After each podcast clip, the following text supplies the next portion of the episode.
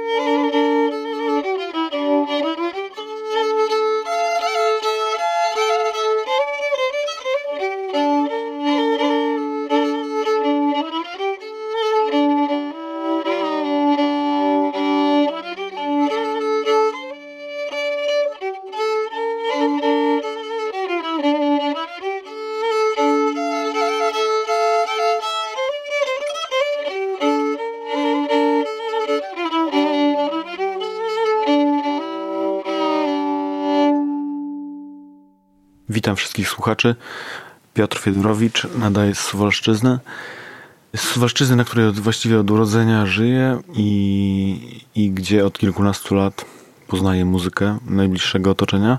W swoich pocztówkach chciałbym opowiedzieć Wam o takim mniej znanym, mniej oczywistym e, dochodzeniu do muzyki.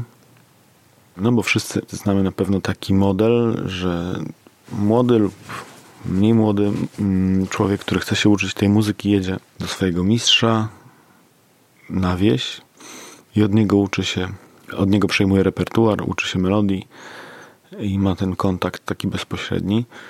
No ale kalendarz jest nieubłagany i na pewno będzie coraz trudniej o takich ludzi, takich nauczycieli i coraz częściej trzeba będzie się posługiwać nagraniami mniej lub bardziej profesjonalnymi, mniej lub bardziej kompletnymi i chciałbym opowiedzieć Wam o tym, jak doszedłem do kilku melodii właśnie w taki sposób, sklejając je z fragmentów jakichś opowieści, z fragmentów nagrań i udało się to na tyle, że dzisiaj wykonujemy te utwory.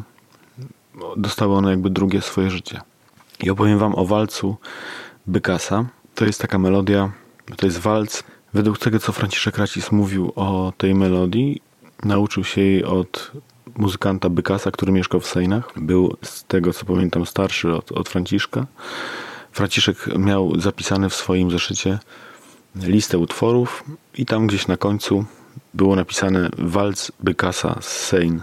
Walc Bykasa śpiący. No i bardzo intrygowała mnie ta nazwa zawsze. Pytałem często o tego walca, ale Franciszek nie grał go już nie grał, bo po prostu, po prostu zapomniał. No, uczyliśmy się po kolei jakby tego repertuaru, jego najbardziej lubianego, tego, który dobrze pamiętał. I to przychodziło w miarę łatwo. No i zaczęli, zacząłem po prostu namawiać, żeby, no jeśli nie potrafi zagrać, żeby mi chociaż część zaśpiewał, zanucił. I tak się stało. Franciszek zaczął przypominać sobie tę melodię powoli ją nucić, nucić. Udało się to nagrać. I było tak, że to, czego mi nie dośpiewał, to dograł. Więc miałem takie fragmenty tej melodii, które trzeba było właściwie tylko poskładać w całość jakoś. I tu przydała się znajomość repertuaru i stylu gry Franciszka. Ta, którą miałem z wcześniejszych jakby spotkań z nim. I to, to bardzo łatwo było jakby te melodie później wyłuskać i nadać jej taki charakter właśnie franciszkowy na powrót i te melodie no wskrzesić na nowo. Co ciekawe, takie niedoskonałe nagrania często są y, dużo ciekawsze i zostawiają dużo miejsca na własną jakąś interpretację, bo kiedy ta melodia jest zagrana tak no, po prostu doskonale, że właściwie trzeba ją tylko odtworzyć, tam nie ma miejsca dla nas, a kiedy, kiedy rekonstruujemy ją z takich właśnie fragmentów, jakichś resztek, tam zostaje dużo miejsca na taką naszą interpretację i, i nasz pomysł na tę melodię. I dlatego uważam, że to jest ciekawe i ostatecznie można powiedzieć, że nikt nie będzie z tego strzelał, jeśli zrobimy to gorzej lub lepiej. To będzie po prostu gorsza lub lepsza melodia. Nikt od tego nie zginie. I nie trzeba się bać. Warto próbować, warto szukać takich właśnie rzeczy do, do wskrzeszenia z jakichś fragmentarycznych nawet zapisków.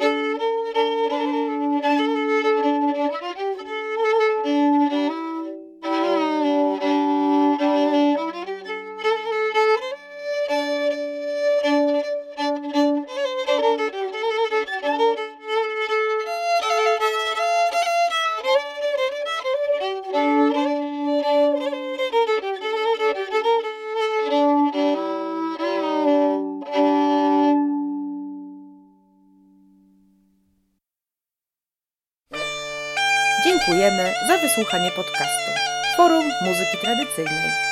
Więcej materiałów na muzykatradycyjna.pl